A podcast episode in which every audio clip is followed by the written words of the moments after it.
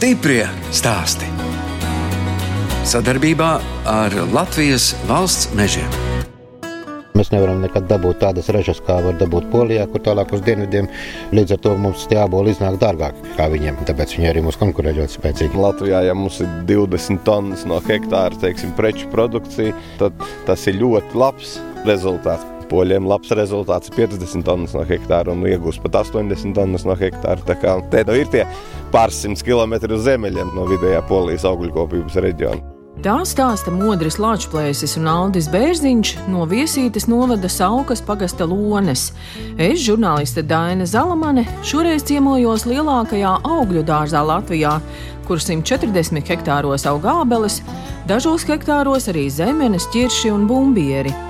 Poceri ir viena no dēmo saimniecībām, kuru augļu dārza īpašnieki var braukt mācīties un konsultēties. Kopdarbības sabiedrību Poceri 1993. gadā izveidoja pieci īpašnieki, bet augļu dārza pirmsākumi meklējumi pagājušā gadsimta 30. gados, kad Lonē pirmos ābeļu dārzus izveidoja Jānis Kalniņš. Rīgā viņš saimniekoja, saprotu, ka viņam bija citi biznesi, bet te viņš algoja ļoti spēcīgu dārznieku, un te viņam bija koku audzēta un augļu dārza. Žurnālos bija reklāmas, ka piegāda augļu kokus ar bānīti vēl veda. Pēc kara, teiksim, tās vecās sievas, kas te strādāja, kas atcerās to veco dārznieku, teica, ka gāja ziemā uz ledus un iedras pļaut, lai būtu ar ko augļu kociņus iesaiņot, piegādāt pircējiem slavenais profesors Sudrabs, kurš ir sarakstījis daudz grāmatas augļu kopībā. Gan ne tieši šo vietu, bet tepat blakus ir tāda zīlānu saimniecība, kur ir dienvidu nogāze pret Saukas ezeru, kas ir liels ezers, 10 km2. Tur ir ļoti laba vieta priekš augļu dārziem, jo nogāze ir uz dienvidiem un ezers atstaro un dod vēl arī siltumu. Arī vīno audzēšana viņiem tur bija. Un viņš ir pieminējis to ļoti labu vietu augļu kopībā. Un tā arī droši vien tas viss sākās. Mēs te savā laikā nopirkām no viena kolekcionāra augļu kopības žurnāla kolekciju, ko bija izdevis poceru saimnieks. Un nekas jau jauns nav izdomāts. Arī 30. gados bija tie paši punduru kociņi, citā veidolā, bet šķirnes ir pamainījušās. Tā kā nekas jauns jau nav līdz šim brīdim izdomāts. Modris Lāčplēsis un Aldis Bērziņš satikās mācoties viesītas vidusskolā. Abi vēlāk arī kļuva par agronomiem un studēja toreizējā Latvijas lauksaimniecības akadēmijā. Tajā laikā lauksaimniecība bija ļoti perspektīva nozare. Man vecāki bija abi skolotāji. tēva brālis bija agronoms. Viņš bija ļoti priecīgs, ka brāļa dēls iet mācīties par agronomu. Bija tādi čakli studenti. Aldis bija ļoti čakls. Viņš ir sarkano diplomu beidzis tajā laikā. Tas nav tur radītājs. Mani vecāki, principā, visu laiku ar lauksaimniecību bija saistīti. Tevs bija saimniecības vadītājs, arī agronoms pēc profesijas. Tajā laikā Padomju Savienībā bija problēmas ar pārtikas ražošanu. Laukos dzīvoja cilvēki tajā laikā labāk nekā pilsētā. Un arī algas salīdzinoši nebija sliktas priekš tiem laikiem. Tas varbūt tas arī bija viens no faktoriem, kas mudināja iet tomēr uz lauksaimniecību. Tajā laikā bija populāri, ka saimniecības deva stipendijas. Valsts stipendija tajā laikā bija 40 rubļi, un saimniecība bija 46 rubļi. Bet nu, tev bija garantēta darba vieta un bija zināms pamats, jo, piemēram, ja bija valsts sadale, kā to laik bija, tad Dievs zina, uz kur Latvijas malu te varēja aizsūtīt. No vienas puses, sākt jaunā vietā ir izaicinājums, vai arī sev ir labāk pierādīt, bet no otras puses, tomēr sākt tur, kur saimniekot, jo vecāki ir daudz vieglāk. Mums ļoti paveicās ar īstenības biedriem. Principā mēs četratā, es, Modris un vēl divi kolēģi, kā sagatavošanās attikāmies, tā mēs visus četrus gadus kopā nodzīvojam. Blēņas arī darījāt? Jā. Nu, kur tad bez tā? ja dzīvoja Jelgavā kopmīnēs, tad ar visām no tām izrietošām sekām viss bija. nu, kā studenta dzīve, visādas podas gāzes un, un, un dabīgi balles. Protams, tika arī iedzerts, bet bija jāatrod arī laiks, lai neietaisītu parādus. Un, paldies Dievam, kaut kā bez parādiem tikām cauri un viss bija labi. Un braucāt arī no mājām ar smagām somām un nu, bet, protams. pilnām ar pārtiku. Tieši bet, tā. protams. Paši šī varējāt pa virtuvi? Jā, jā, tas bija reālā studentu dzīve. Nu, labi, ēdnīcā kādu reizi pēda. Viens maize bija pilsētā nopērkos, bet pārējais. Gaļas produkts vedām no laukiem kopmītnēm bez kartupeļu cepšanas virtuvē, bez tā tā nevarēja iztikt. Un nesat viens otram joprojām apnikuši? Nu, bet, protams, ka esam. Neviens, kā modrs saka, neesam baltiem spārniem, gan man, gan modrim, gan darba kolēģiem, bet viss tas ir jāpārvar un kaut kādā veidā jādzīvo. Pirmos divus gadus, godīgi sakot, es biju nekāds agronoms, es mācījos. Pēc diviem gadiem tad, tad Sakanais diploms. zināšanas ir viens, reālais darbs ir pavisam kas cits. Te bija veca brigadieri, kuru taisījās iet pensijā, nu, un vajadzēja viņai maiņu. Un jūs arī mācījāties. Nu, bet, protams, akadēmijā divas sesijas bija augļkopība, jāmācās šeit uz vietas un viss, un sākās privatizācija. Tad braucām mācīties uz Eiropu, uz Poliju, jo tas pozitīvais piemērs, kur, teiksim, var iegūt zināšanas, kā vajadzētu tieši augļkopībā saimniekot. Zemes privatizācijas jomā mēs gandrīz visus augļu dārzus arī saglabājām. Kaut kas aizgāja bijušiem īpašniekiem, bet saglabājām un dotajā momentā visa zeme, kas mums ir, tā ir mūsu kooperatīva īpašumā. Principā šo visu zemi un centru, kas atrodas, tas bija bijušā īpašnieka Kalniņa īpašums, nopirkām no viņa bērniem, kas Amerikā dzīvoja. Nu, tā kā mēs esam pārņēmuši tieši to veco centru. Tāpēc mums arī nosaukums poceri, ko mēs, protams, saskaņojam ar viņu. Kā tas iznāca, ka jūs tā izdomājat, ka jāpārņem ir šī saimniecība? Ļoti daudz saimniecības Latvijā, nu, kas ir sadalījušās, viss tika noprivatizēts. Tajā laikā atnācām kādi septiņi vai astoņi speciālisti mūsu gadu plus mīnus. Tas arī ļoti daudz ko izteica, ka tā saimniecība bija perspektīva un it kā iespējams saukt. Kad gāja privatizācija, sadalījām visu saimniecību pa objektiem. Pie fermas noteikti lauka, noteikti tehnika. Daudzi vēl no tiem objektiem, ko tajā laikā veidojām, ir saglabājušies un strādā veiksmīgi kā zemnieku saimniecības. Tika dalīts arī atsevišķi kā objekts augļu noliktava. Ar tehniku, ar augļu dārziem, ar zemi. Kaut kas jau jādara bija, pēc mēs arī sākām saimniekoči. Un sākāt jūs pieci. Trīs, mēs pieci cilvēki bijām tas, kas izveidojām kooperatīvu. Tie bija tuvi radinieki, trīs ģimenes. Kad dibinājām kooperatīvu, laikam bija minimālais skaits pieci, un tad tā tika izveidots. Tātad trešā ir grāmatvede, ja? Jā. Modrim vairāk patīk braukt, man nepatīk braukt ar automašīnu. Vairāk es daru darbus tieši uz vietas, tieši agronomijā. Nu, modis vairāk eh, strādā ar realizāciju, ar sagādi, prezentācijas projektiem, bet mums nav problēma vienam otru aizstāt, ja kaut kas notiek. Pie sava nevar pastāvēt. Vienmēr ir jāatrod vidusceļš un jāpiekāpjas un kaut kādā veidā, lai varētu normāli strādāt. Stiprie stāsti.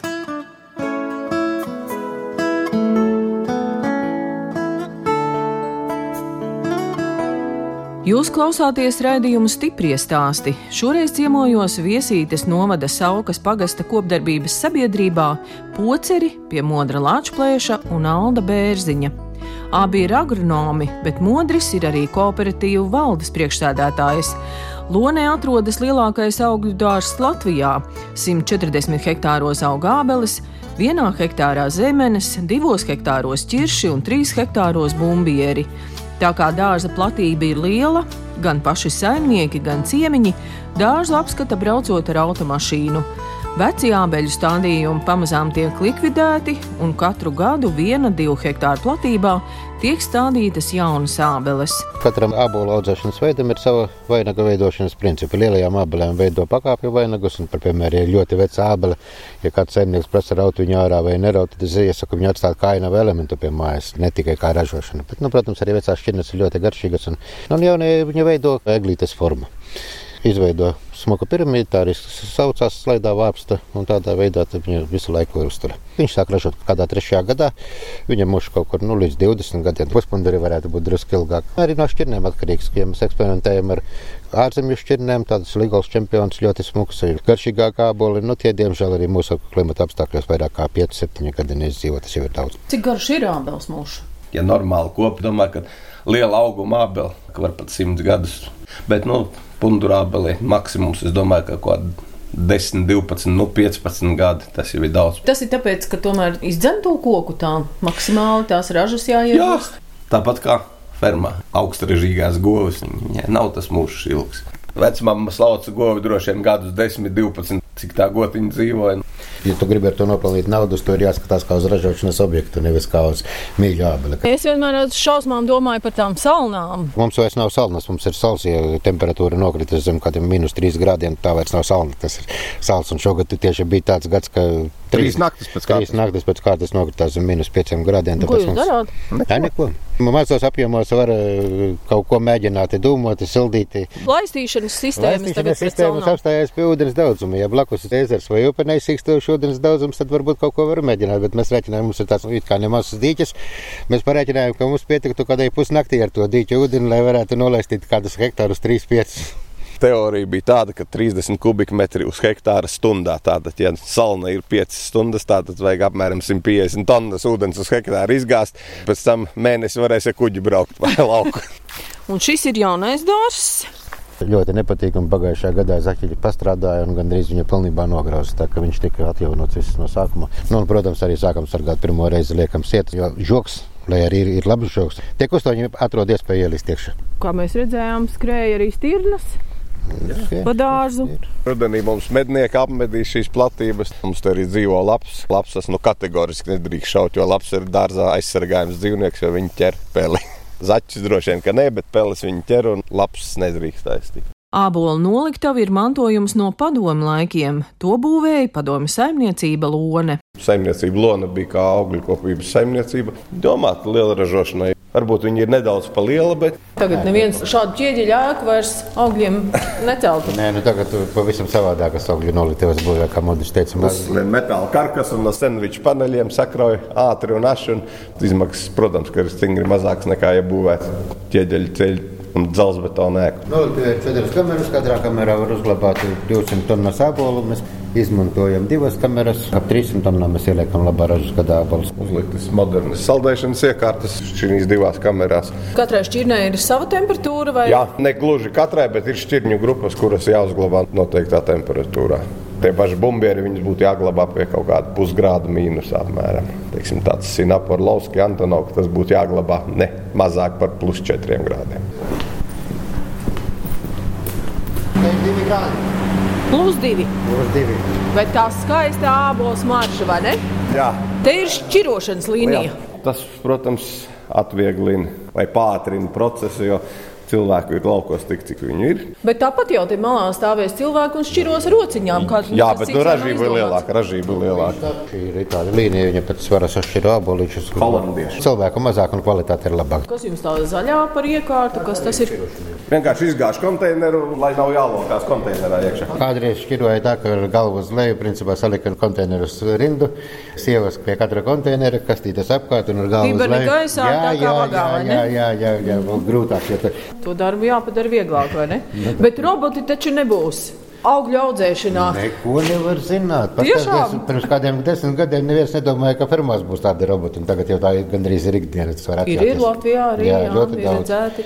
Varbūt arī robotizēs kaut ko augļkopībā. Vismaz tāda šķirošana jau robotizē ļoti, kur ir modernās līnijas, tur ir tiešām jau bez cilvēka var iztikt. Bet ir otrs jautājums. Tas ir tik dārgi, ka mēs laikam pie tā tik ātri nenonāksim. Un, ja mēs audzētu, kā es teicu, 50 vai 80 tonnas no hektāra, jā, nu Tad nebūtu citas izējas. Tad, jā, jā, Jā, un jābūt cena būtu kā divi vai trīs eiro. Jo galvenās tomēr izmaksas ir miglošana un novākšana. Mēs miglojam nu, mazāk, nedaudz kā poļi, bet mazāk arī nevar, jo tomēr ir šķirnes kļuvušas ieņēmīgākas gan pret kraupi, gan pret kaitēkļiem. Un, ja polis var iegūt reizes divas, vai trīs, vai, vai pat četras lielāku ražu nekā mēs, tad arī tā paša izmaksas ir tās četras reizes zemāka. Tāpēc Jā. viņš rudenī var tirgot to apelsīnu, teiksim, ražas gadā pa kaut kādu desmit centi vai zem desmit centi no noliktavas. Gāzu vide nav nekas kaitīgs un nekas nav bīstams cilvēkam, kā- daži iedomājas. Abols ir dzīves organisms. Viņš visu laiku elpo un dzīvo. Un tad, kad viņš ir savu mūžu nodzīvojis, viņš vienkārši sapūst. Lai mēs viņu ilgāk izglabātu, viņam aptura dzīves procesu, vienkāršāk sakot, aptura elpošanu. Samazina skābekļa daudzumu iekšā un palielina ogliskābās gāzes daudzumu iekšā. Un Vienkārši visi fizioloģiskie procesi tiek palēnināti. Nu, poļi ir maleči, viņi glabā pat divus gadus noliktavā vecas sābols. Liela daļa no tiem āboliem, kas ir tagad veikalā, poļu āboli, tā ir pagājušā gada āboli, varbūt pat aizpagājušā gada. Tā kā ar to ir jārēķinās. Mēs nevaram tik ilgi noglabāt, mums nav tās tehnoloģijas tādas un nav arī vajadzība. Mēs vecākot tirgojam katru gadu šī gada ražu. Kā jūs arī teicāt, ka tomēr tajā augļu biznesā visu to politiku diktē Polija. Polija mums ir blakus, un mēs esam viena no tām valstīm, uz kurien Polija lielā apjomā sūta savus ābolus. Nu, kādreiz bija Krievijas tirgus, kas tagad viņiem ir aizvēries ciet, tātad Lietuva, Igaunija. Igaunija, ne, jo Igauni ir ļoti lieli patrioti, kuri tomēr pērk pirmām kārtām savu ābolu, kaut arī viņš ir divreiz dārgāks nekā poļu ābols. Latvieši tādu nav. Ne. Latviešiem var 10% pacelt cenu uz patriotismu rēķinu. Kvalitatīvi āboli, protams, polim iet arī uz, uz, uz rietumu Eiropas pusi. Pat cik viņiem ir milzīgs apjoms. Normālā gadā es domāju, ka viņiem ir pēc statistikas kaut kāda 2,5 miljonu tonnas. Viņi ievāc ābolus. Mēs Latvijā? Stipri maz. 20,000 tonnas varētu būt pa visu Latviju. No poļiem jūs pērkat gan betona stabiņus, bambusa mietu. Bambusu mieti, jā. Ir firma, kura piedāvāja šķēris dārza, kuras Latvijā maksāja precīzi divreiz dārgāk nekā Polijā. Vai jau arī Polijā viņas maksā kaut kādu 50 eiro. Tātad Latvijā viņi maksā tuvu 100 eiro. Nu, tātad par ko iet runa, un ja tev jāpērk kaut kādas desmit, tad ir vienkārši vērts aizbraukt uz turieni un to visu arī iegādāties. Augļu kopība Latvijā tā ir perspektīva nozara. Kas Latvijā vispār lauksaimniecībā ir perspektīvas un vispār kas ir Graudi, perspektīvas? graudi. Katra nozare principā ir viņu Pietiks būt kaut kādai pasaules ļoti lielai graudu ražai, tā cena nokritīsies un visi liekas, ka nevaram vairs izdzīvot ar graudkopību. Ar lopkopību, jebkur viss tas pats ir augļkopība arī. Nu, neteiksim, ka viegla. Perspektīvas ir visur, kur strādā. Principā, jebkurā vietā, ja cilvēks strādā, viņš var dzīvot labāk vai sliktāk. Otrs jautājums ir nu, prasību līmenis, ko es gribu. Nebraukšos ar Lexus, bet man viņu arī nevajag. Jums vajag mašīna, kur var izbraukt tur pa tiem uh, dārziem. Droši vien, kad varbūt arī vajadzētu kādu nelielu džipiņu, kuru nav žēl dzīt pa turieni. Jā, ir bijis ļoti smagi, teiksim, piemēram, kā šodien atceros 2000. gads, kad praktiski raža pilnībā nosala. Mums bija kādas 5 tonnas vai 10 tonnas ābolu. Nu, Nu, kā var izdzīvot tādā gadā? Ļoti daudz, daudz lamā, lamā laucinieks, jā, viņiem maksā subsīdijas. Nu, ja nebūtu subsīdija, tad arī jātaisa cietā būšana, bet, nu, subsīdija droši vien ir zināmā mērā tas drošības pilvens, lai tu varētu kaut kā savilkt tos galus, lai tu varētu izdzīvot, ja ir neražas gads. Ja jums tā platība ir lielāka, tad tomēr tās subsīdijas arī ir lielākas. un tas ir tāds atbalsts. Jā, jā. Arī tajā 2000. gadā tomēr valsts atbalsts bija speciāli, nu, varbūt mums, un mēs varējām izdzīvot. Visā Latvijā praktiski arī nosala visu ābolu raža, teiksim tā. Abolis lasa joprojām ar rokām, nekas labāks jau nav izdomāts. Cik jums darbinieku vajag 100 hektāriem? Nu, labi, viss jau nav ābeles. Nu, atkarībā no sezonas tagad darbinieki jau paliek ļoti liela problēma. Patstāvīgi mums strādā 12 cilvēki, pašus ieskaitot. Sākumā, kad mēs strādājām, bija kaut kur uz 30 cilvēkiem. Pamazām esam intensificējuši to darbu, ir drusku mazāk. Nu, un sezonā aicinām strādniekus. Protams, ka cenšamies maksāt priekš mūsu apstākļiem puslīdz normāli. Šogad bija kaut kur 11 cilvēki klāt, bet ir arī 40 cilvēkiem. Nu, sākumā bija mums pāri par 100 cilvēkiem, kad viss secās dārsts vācām mums uz sezonu. Tas ir. Sezona ir ābolu novākšana. Septembris, oktobris. Uz diviem mēnešiem vajag lielu darbinieku skaitu. Augļu asociācija kopā ar dārzeņu audzētājiem ir panākuši to, ka ir sezonas laukstrādnieku programma. Uz vienu dienu tu vari viņu pieņemt darbā, un viņam ir jāsamaksā tikai 15% no viņa ietur nodokli. Darba devējs nemaksā neko. No viņam tur ir kaut kāds, laikam, minimālā sociālais apdrošināšana. Tagad valsts vismaz dabū 15%. Teiksim, legalizē to visu pasākumu. Tā ir ļoti laba lieta, bet 7000 strādājošo vajadzīgs savākt. Augļu un dārzeņu programmā tīri savākt audzētājiem 7000. Tas ir pa visu Latviju. Jā, jā, sezonas strādnieku. Ar visiem neoficiāliem strādniekiem diez vai 7000 salasīsies. Lieta ir ļoti vienkārša. Nu, vienīgais, ka tev viņš ir jāievada sistēmā gan rītā, gan vakarā. Vienīgais sarežģījums, bet citādi ir ļoti ērti un ļoti labi un, un patīkami. Jā. Un kur jūs abolus tirgojat? Liels atspējas skolas auglis programma. Pamatā Rīga, jo lauka skolas ir maziņas un, un, un, un, un, un Neatmaksājas. Nē, atmaksājas mēs vedam, jā, bet eh, vienkārši nav apjoma. Nu, tāda ir Rīga. Otrs ir, pat cik mēs esam kooperatīvā zelta abela. Apvienojušies septiņas saimniecības pa visu Latviju. Zelta abela panākusi to, ka mēs esam iekļuvuši gan Rīgā, gan eh, Maksimus tīklā. Mēs vedam uz Maksimu. Kooperācija, tā arī dod ļoti lielu atspēju. Mēs esam dabūjuši gan ļoti pieklājīgas investīcijas, gan arī uz realizāciju, gan uz kopējo iepirkumu. Mēs esam pa dažādiem reģioniem Latvijā, izņemot Latgali. Nu, kaut vai tādam lielveikalam mēs vieni nebūtu spējīgi nodrošināt noteiktu periodu ābolu piegādi. Protams, investīcijas mēs dabūjām kā kooperatīvas no Eiropas lielākas, ko fiziski nevarētu paņemt viens. Nu, ļoti grūti būtu katrā ziņā.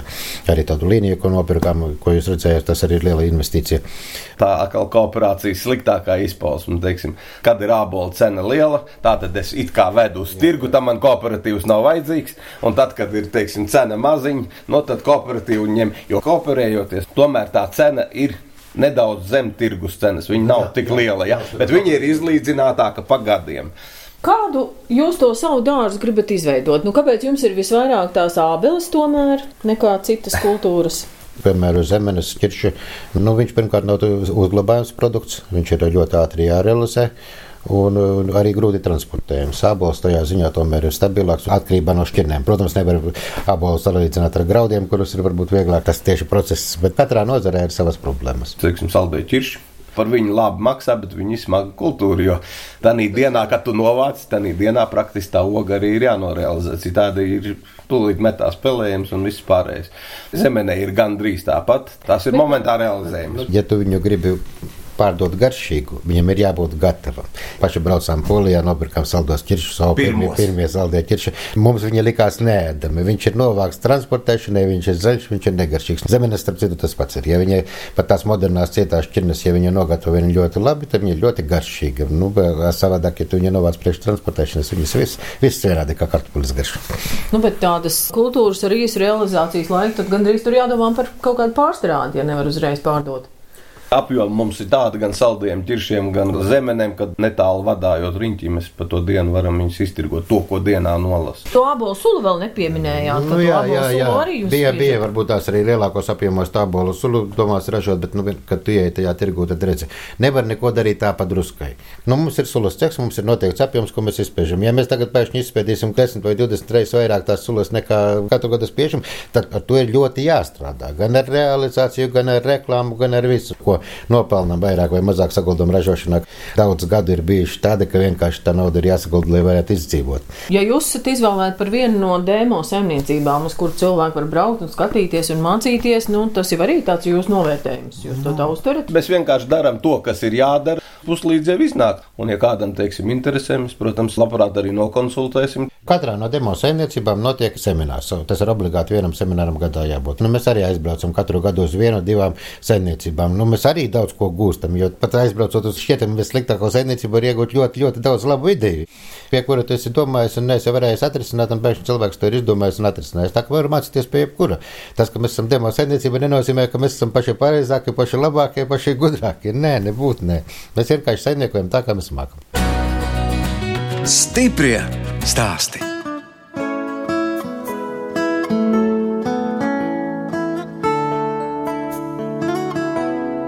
Skan redzējums stipri stāsti.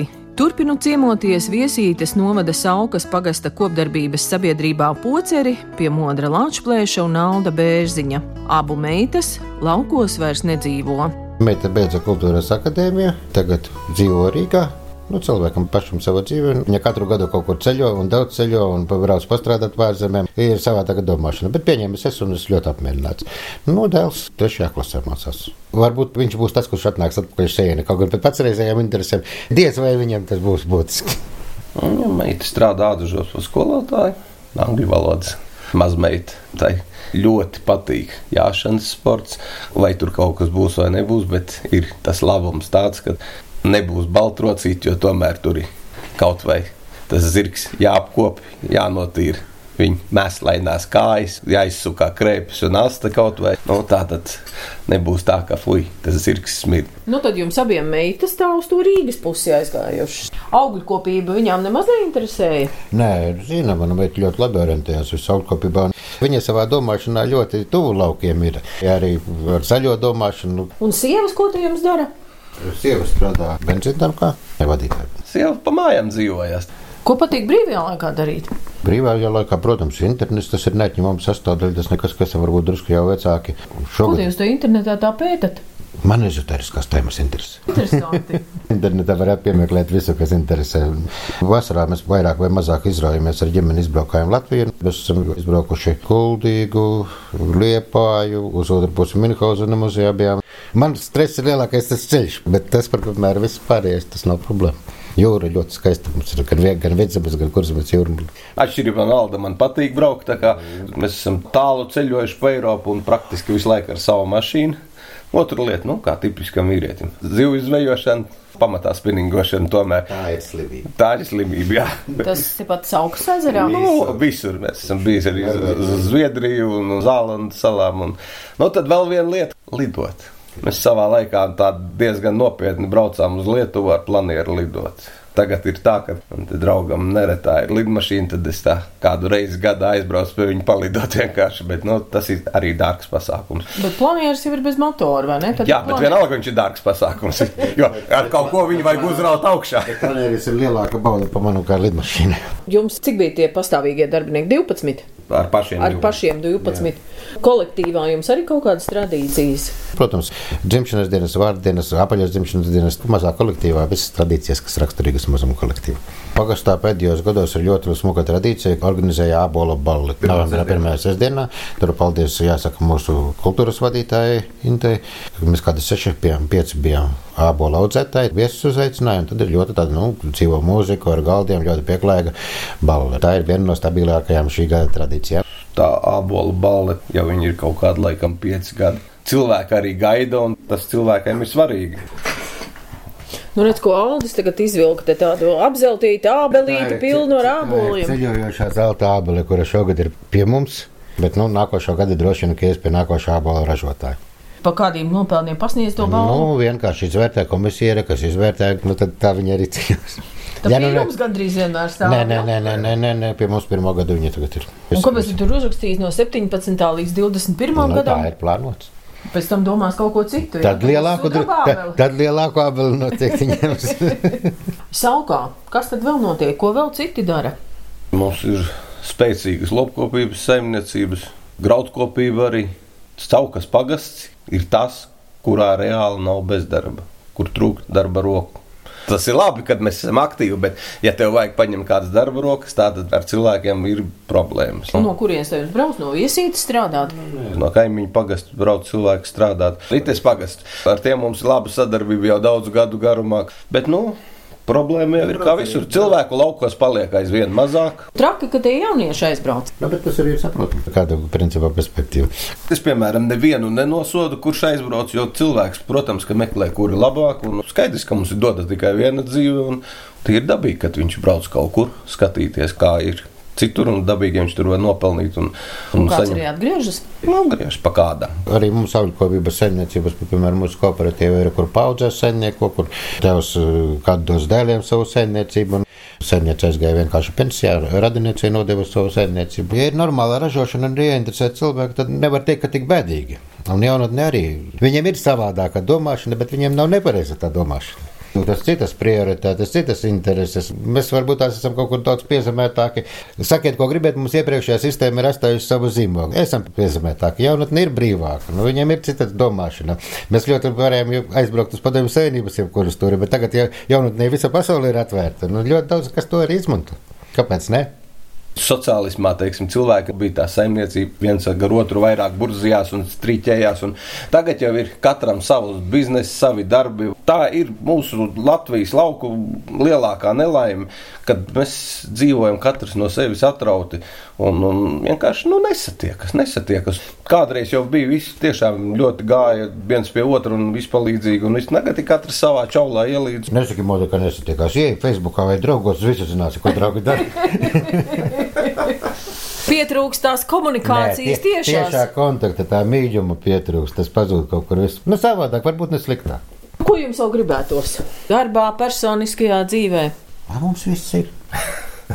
Kaut kādam mērķim. Kaut ko jātiecās. Mērķi visu laiku jābūt. Ja tev pazūd mērķis, tad tu esi izputējis ar to momentu. Visu laiku ir kaut kas jāatjauno, jānopērk. Par piemēram, teiksimies traktoru nopirkt jaunu. Mēs jau strādājam vēl ar veciem traktoriem, jo dārzam ir grūti piemeklēt tādu, kas mums derētu. Plāni ir salikti, kas uz priekšu, teiksim, gadiem, varbūt trim, četriem, varbūt pieciem, ko izdarīt, jo vienkārši Uzreiz visu to nevar izdarīt, bet nu, pakāpeniski solim pa solim tas tiek bīdīts uz priekšu, un pagaidām ir izdevies. Šogad ir nerežas gads, bet kaut ko jau sabīdīsim droši vien uz priekšu. Tās visu laiku stādām klāt. Katru gadu hektārs divi tomēr iestādām. Sava kokaudzēta varbūt drusku vairāk ir jāattīsta, lai nu, nu, esam vairāk neatkarīgi. Tehnika vajadzīga kaut kāda vēl tīri specifiska augļu kopības tehnika, kas pamazām ir nolietojusies un, un, un jānomaina, un kas nav, kas jāiegādājas, pamazām ir jābīdas priekš. Apstāties nedrīkst. Nedrīkst, nedrīkst. Ne.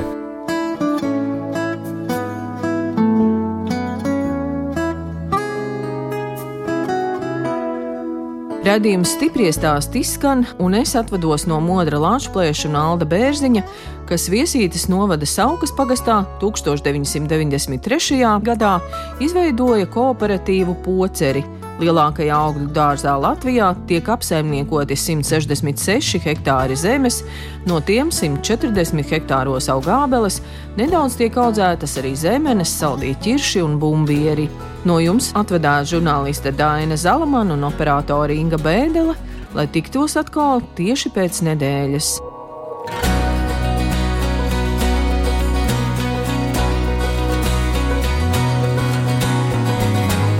Stiprie stāsti. Sadarbībā ar Latvijas valsts mežiem.